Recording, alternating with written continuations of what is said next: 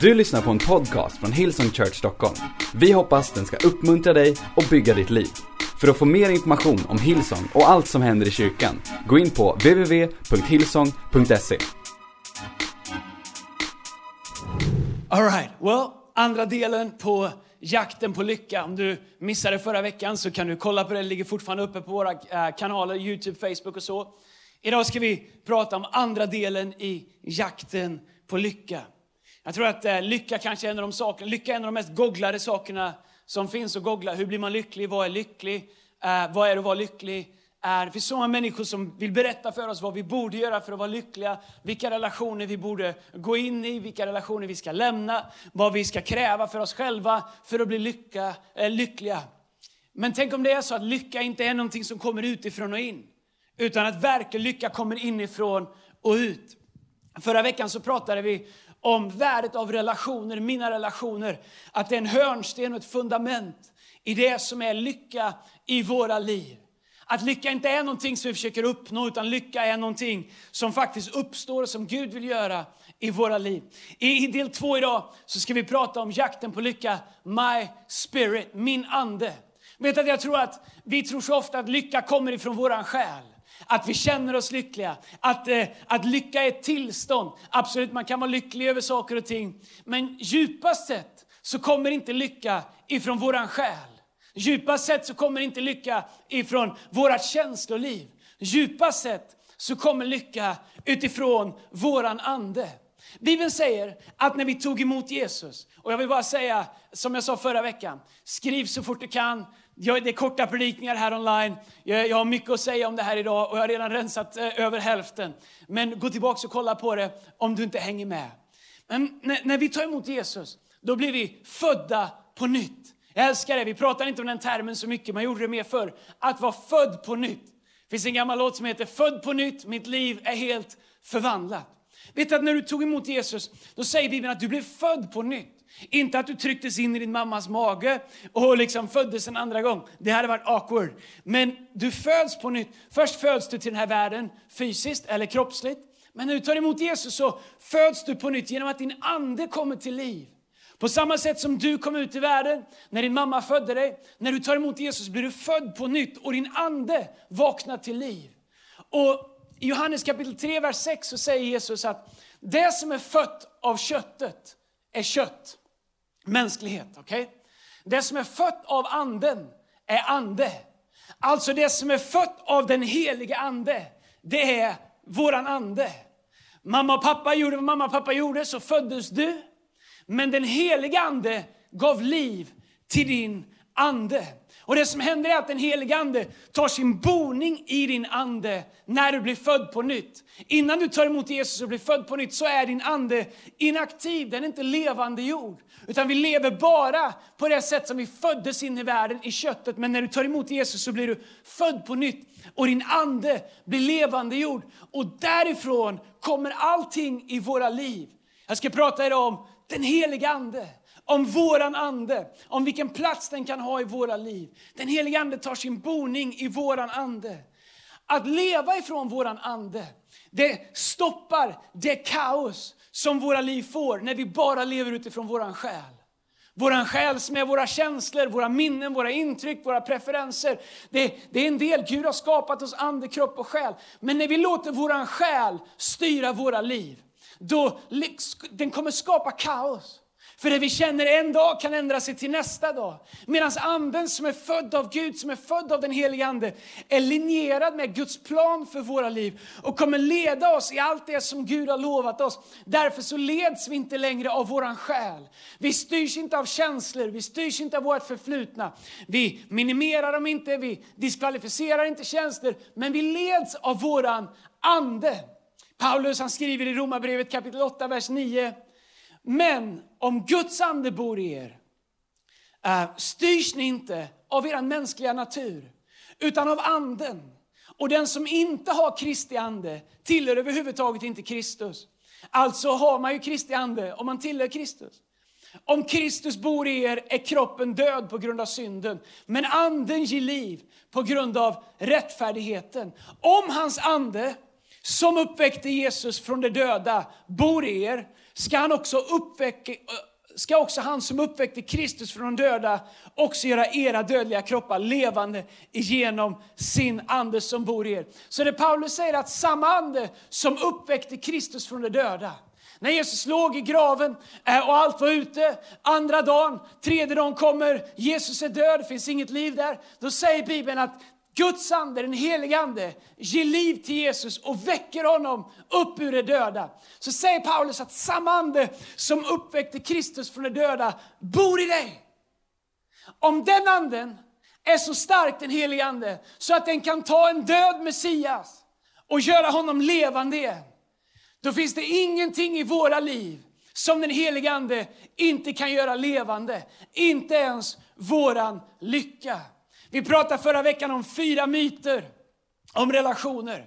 Idag skulle jag vilja prata om tre myter om den heliga Ande i våra liv. Och vi hoppar rakt in i det.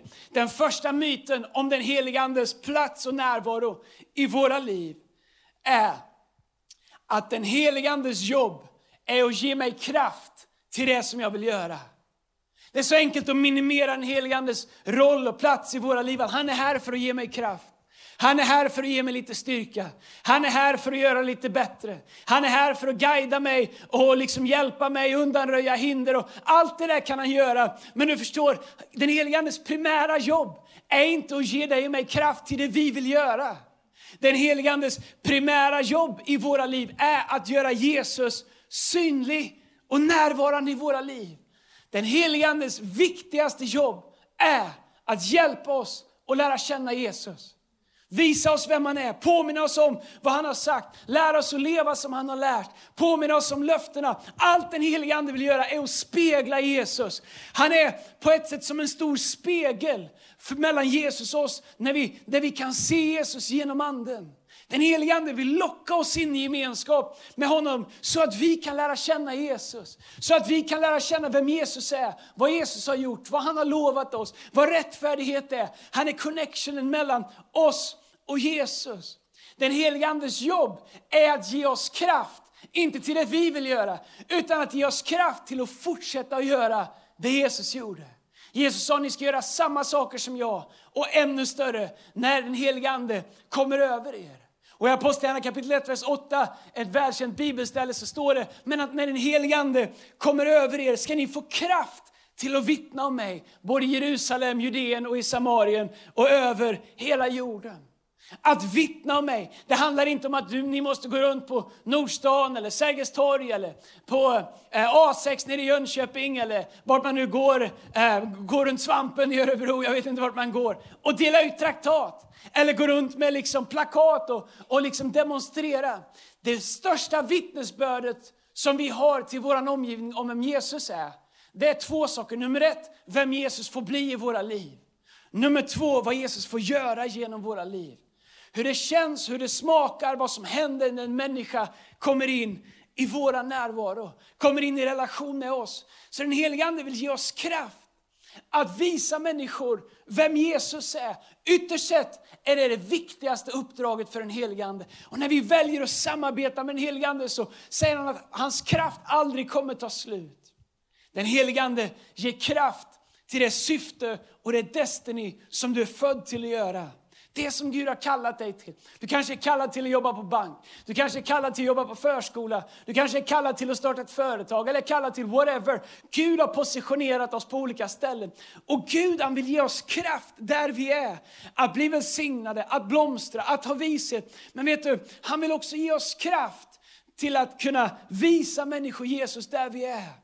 Han positionerar oss inte bara för att välsigna oss. Han positionerar oss för att Jesus ska bli synlig i varje del av samhället, i varje del av den värld som vi lever på. Men om jag lever som att den helige Ande bara är till för att ge mig kraft till att bryta igenom i mina ambitioner, bara ge mig kraft att deklarera och proklamera det jag vill göra, då har jag inte förstått vad den helige Ande vill göra i mitt liv.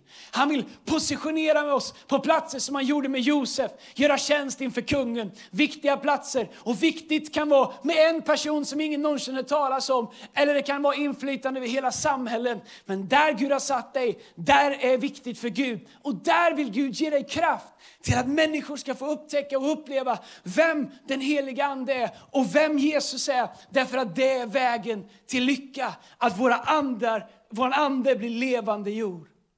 Att vara ledd av den heliga Ande börjar med vem som är ägare till det som den heliga Ande ska fylla. När jag växte upp så sjöng vi massa sånger. Jag älskar dem, jag kan dem allihop. Vi har fått piano hemma så jag älskar att sitta och spela på det. Och häromkvällen så hörde jag Lina sitta och spela och sjunga en gammal sång. Ande du som livet ger, fall nu över mig.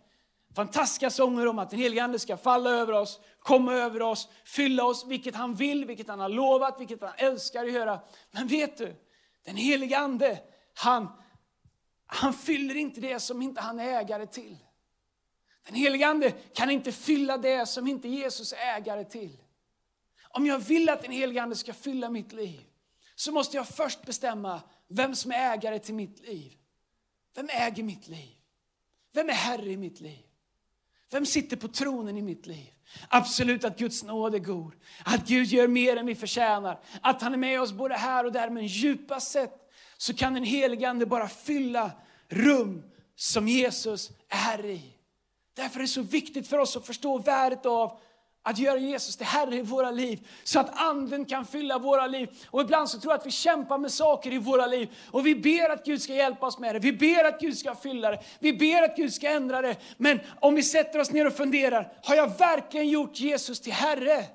I det här området i mitt liv? Hur ska Gud kunna hela saker i mitt liv där jag själv sitter på tronen i? Hur ska den helige Ande kunna invadera saker med sin närvaro? Hur ska han kunna ge mig frid när jag vägrar att förlåta? När jag inte har gjort Jesus, han som förlät dem som korsfäst honom, till Herre även över en situation som har gjort mig ont. Men i varje situation där vi bestämmer oss för att göra Jesus till Herre, kan Anden fylla i våra liv. Och ibland så kan vi längta efter, jag längtar efter dig Gud, jag längtar efter din närvaro. Och vi ber och vi ber och vi ber. Och anden säger, jag längtar också efter att få fylla det där området i ditt liv. Kan du inte göra Jesus till Herre? Kan du inte ge det till Gud? Kan du inte submitta det? Kan du inte böja det under Gud? Kan du inte ge det till Gud så att jag kan få fylla det? Våran submission till Gud avgör vad den helige Ande kan ha för roll i våra liv. För grejen är så här, den helige vill inget hellre än att använda dig. Och, och vi kan be på morgonen när vi vaknar, helige använd mig då. Men den helige Ande vet om det är lönt att ens försöka. Om jag ber till den helige Ande säger helige Ande, idag använd mig. Och sen så fram på lunch så säger den helige Ande till dig, hej, bjud den där kollegan på lunch. Så du tänker, äh, det tänker jag alls inte göra, han har råd att köpa egen lunch. Varför skulle den helige Ande använda dig? När han vet att du är för snål för att bjuda någon på lunch. Så ibland så ber vi om saker som vi redan vet. Och anden vet att vi kommer inte att göra. Det är därför som vi måste komma inför Gud och överlämna våra liv och säga, precis som Paulus säger, nu lever inte längre jag, utan Kristus lever i mig. Det är därför som en del har en sån kamp när det kommer till givande. Man tror att man förlorar sina egna tillgångar. Man tror att man ger upp saker som ens egna. Medan som du har gjort Jesus till Herre i ditt liv så inser du att allt jag har till är Gud. Allt jag har kommer ifrån Gud, allt jag har till är Gud. Han kan använda det till vad som vill. Allt i våra liv som vi har en kamp runt omkring i våra liv är områden som vi måste våga ställa oss frågan, har jag överlämnat det här till Gud? Och en av de enklaste sätten att inte finna lycka i våra liv är att gå en kamp med Gud om områden i våra liv som Gud vill att vi överlämnar till honom. Och tiden går, kanske ni också snart, men den andra myten är den helige Ande följer mig vart jag än går. Ibland i vårt liksom 2021, 2021 upplysta samhälle där vi är smartare. Varje generation tänker att vi är de smartaste som någonsin har funnits. Well, det kan vara värt att läsa vad andra tänkare har tänkt innan. Det finns människor som har trätt ihop fler tankar än vad både du och jag har gjort. Men ibland så har vi en förmåga att leva som att vi är liksom centrum av allt som händer och det bästa av allt som någonsin har hänt och ingen fattar livet mer än vi har gjort. Och så tänker vi att liksom, tar vi med anden på det här och tänker att anden ska följa mig. Anden vart jag än går. Och det är sant att anden följer oss. Psalm 23 säger godhet och nåd ska följa mig alla mina livsdagar. Men om vi vill lära känna anden och bli ledda av anden och använda av anden så måste vi förstå att det inte är anden som följer oss som kommer efter oss och säger yes, yes, vad vill du jag ska göra? Han är liksom ingen så anden i flaskan som vi gnider och så kommer han ut och säger du får tre önskningar idag. Tvärtom så säger Bibeln i Galaterbrevet kapitel 5, vers 25 så här. Om vi lever i anden ska vi också låta anden leda oss. Har du någon gång försökt dansa, well, de flesta, om du är yngre, när jag växte upp, det är inte så länge sedan, men även äldre, då fick man lära sig dansa i skolan. Foxtrot, vals, eh, bugg, lite olika saker. Jag har försökt dansa med någon som är tvärt emot hela tiden. Man liksom studsar mot varandra, trampar på varandra. Har du försökt att paddla kanot med någon som liksom inte fattar vilken sida de ska paddla på? Har du hoppat studsmatta med någon som man ständigt kommer i otakt med? Det känns som man ska bryta benen varje gång. Man, när man är i otakt. Du förstår, det är så lätt för oss att leva i otakt med anden därför att vi tror att anden ska följa oss. Och vi förstår inte att vi måste följa anden. Kolla vad den engelska översättningen säger om Galaterbrevet kapitel 5, vers 25. Då står det så här. Since we live by the Spirit, let us keep in step with the Spirit. När vi nu lever efter anden, lever i anden, låt oss vara i takt med anden. Vi kan leva i takt med anden. Bibeln säger den som har öron han hör vad anden säger till församlingen. Vad gör anden nu? Vad vill anden vi ska göra? Helige ande, vad vill du vi ska göra nu? Ett liv där vi vill gå i takt med den helige ande genom att lyssna, genom att ha överlåtna hjärtan, genom att erbjuda Jesus att sitta på tronen i våra liv. Så kan vi leva liv där vi är i takt med anden. När Guds prioriteringar blir våra prioriteringar, då är vi i takt med anden. När det som är viktigt för Gud är viktigt för oss, då är vi i takt med anden. När det som Gud säger är det som vi vill ha, då är vi i takt med anden. Vi har tillgång till lycka genom gemenskap med den heliga Ande som går djupare än bara känslor. Vi har tillgång till gemenskap med den heliga Ande när vi välkomnar Anden. När vi underordnar oss Anden. När vi hedrar Andens närvaro. När vi litar på Anden och när vi lär oss att lyssna på Anden genom att sätta Jesus på tronen i våra hjärtan varje dag. Förstår? Jag har inte så mycket tid kvar, nu har jag sagt det flera gånger, men nu har jag inte det. På så många andra områden i våra liv kan vi hävda våra rättigheter. Vi pensionssparar, vi har rätt till pension. Vi betalar skatt, vi har rätt till sjukvård. Allt det där är sant. Men vet du, hela grejen med Gud, det är att han kom till oss när vi inte hade några rättigheter och göra anspråk på någonting som var Gud. Jesus kom ner hit, han gav sitt liv för oss. Han köpte oss fria ifrån synd. Han köpte oss fria ifrån eh, alla våra felsteg. Han betalade det ultimata priset för gemenskap med oss. Och jag skulle säga det här på det mest nådefulla, ödmjuka, eh, inkluderande sätt jag bara kan. Jag har funderat den här veckan på hur Gud känner när han har sett sin son dö på ett kors framför människor som häcklade honom. För att ge oss frihet och frälsning. Och vi väljer att leva ibland med en fot i frälsningen, men med en fot i vårt gamla sätt att leva. Och Gud vet att jag gav min son, jag såg honom dö. För att du skulle leva det här nya livet i Kristus. För att du skulle leva ett liv fött av ande.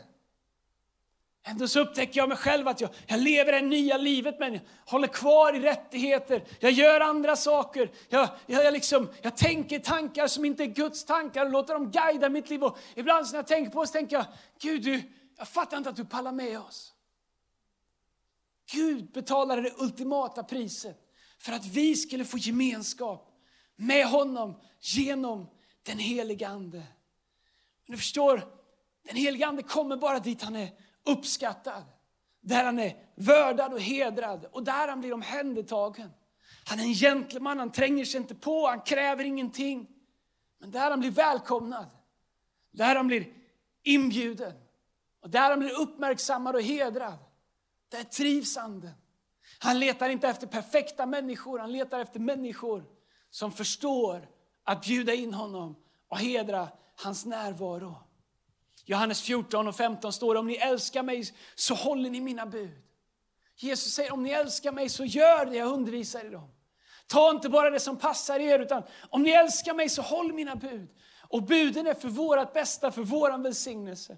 Och då säger Jesus, jag ska be Fadern att han sänder er en annan hjälpare som för evigt ska vara hos er. Gentlemannen, den helige Ande, kraften som delar Röda havet, kraften som uppväckte Kristus. Säg Jesus att han, den ska bo i oss och vara hos oss. Den helige Ande vill inte bara hjälpa oss när vi behöver, han vill lära känna dig. Han vill ha gemenskap med dig. Han vill att du ska lära känna hans röst. Han vill att du och han ska få en tydlig, definierad gemenskap med varandra. Den tredje och sista myten om den helige Ande, om den lycka som han ger, det är att jag behöver ingen annan, bara den helige Ande. Jag har hört det så många gånger. Jag behöver ingen annan, jag behöver bara Gud. Jag behöver ingen kyrka, jag kan umgås själv med Gud. Jag behöver ingen connect-grupp, jag behöver bara den helige Ande. Jag, jag behöver inte andra människor, jag har min tro för mig själv. Och, och grejen är att vi får alla göra som vi vill. Men vet du, det är en lögn ifrån djävulen. Det är en plan, det är en, det är en liksom strategi för att vi inte ska kunna leva uppfyllda av anden som Gud har tänkt. Förstår det finns två personer i Bibeln, en hette Eli och en hette Samuel. Eli var präst i templet. Han var den som representerade Gud, ledde templet. Hanna, en ung tjej, kunde inte få barn. Hon bad och bad och bad och få barn. Till slut så sa hon till Gud, Gud om du bara ger mig en son så ska jag dedikera honom till dig. Jag ska ge honom till dig. Vilket innebär att när han var ung tonåring, eller 10, 11, 12 år någonting, så kom hon med det här barnet som hon fick, Samuel och gick till prästen Eli och sa Samuel ska tjäna Gud, han ska bo i templet och du får uppfostra honom. Så Eli tar in Samuel, Samuel är ung och en gång har han gått och lagt sig och Eli har gått och lagt sig, han som kände Gud. Och helt plötsligt så kommer Samuel, ung kille, springande till Eli och säger Eli, Eli, du ropar på mig. Eli sover, grinig som bara en gammal gubbe kan vara. Äh, och så säger han, jag har inte ropat på dig, gå och lägg dig. Gå en liten stund igen, Eli hinner precis somna om. Äh, och, och, så kommer Samuel igen springande och säger Eli, Eli, du ropade på mig. Samuel, eh, Eli blir ännu mer irriterad och han säger Samuel, jag har inte ropat på dig, sluta stör mig. Eli är gammal, nu är han tvungen att gå upp och kissa också, det står inte i Bibeln men det, det har jag lagt in själv. Sen när han har gått och lagt sig igen och somnat så kommer Samuel en tredje gång. Han säger Eli, du ropar på mig. Och nu inser Eli, gudsmannen, att det är Gud som för första gången pratar med Samuel. Så Eli instruerar Samuel och säger Samuel om han ropar på dig igen, säg bara tala Herre, din tjänare hör. Eli somnar om och får sova som tur är. Samuel går och lägger sig. Och sen talar Gud igen. Vet du, Samuel lärde känna Guds röst genom en människa. Samuel var i en kontext där han kunde få hjälp att förstå att det var Gud som talade. Förstår när vi inte förstår värdet av kontext i våra liv. Om vi inte förstår värdet av en connect-grupp, värdet av att ha andliga ledare i våra liv, oavsett var de är. Värdet av att vara en del där Gud talar, där Gud agerar, där han fyller allting med sin närvaro. Om vi inte förstår det. Bibeln säger kyrkan är Kristi kropp, där Gud talar, agerar och fyller allting med sin närvaro. Du förstår, du kommer missa så mycket av anden. Du kommer missa så mycket av den lycka och det välbehag som finns i anden. Om du tror att du kan leva det här livet utan Gud. Eli var en tempeltjänare, Samuel var bara en ung pojk som var där och sov. Men genom kontext och genom sammanhang så lär han känna Gud. Människor vill göra anden konstig. Har du tänkt på det här? Att när Gud kom så bestämde sig Gud för att bli människa. Så många människor, och inte minst predikanter ibland, men vill göra anden så konstig.